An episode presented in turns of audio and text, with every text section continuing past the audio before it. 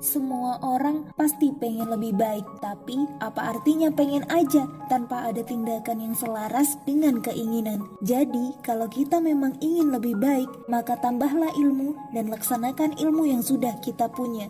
Nah, biasanya nih, saat pertama kali seseorang belajar tentang ilmu baru, maka ia akan sombong, merasa dapat hal baru, dan merasa paling bisa. Namun, jika ia terus mendalami ilmu itu, dia justru merasa bahwa baru sedikit yang ia pahami, sehingga muncullah rasa rendah hati. Dan jika ia sudah merasa demikian, maka ia akan menyadari bahwa ia adalah orang yang masih miskin ilmu dan menganggap masih banyak orang yang lebih baik darinya.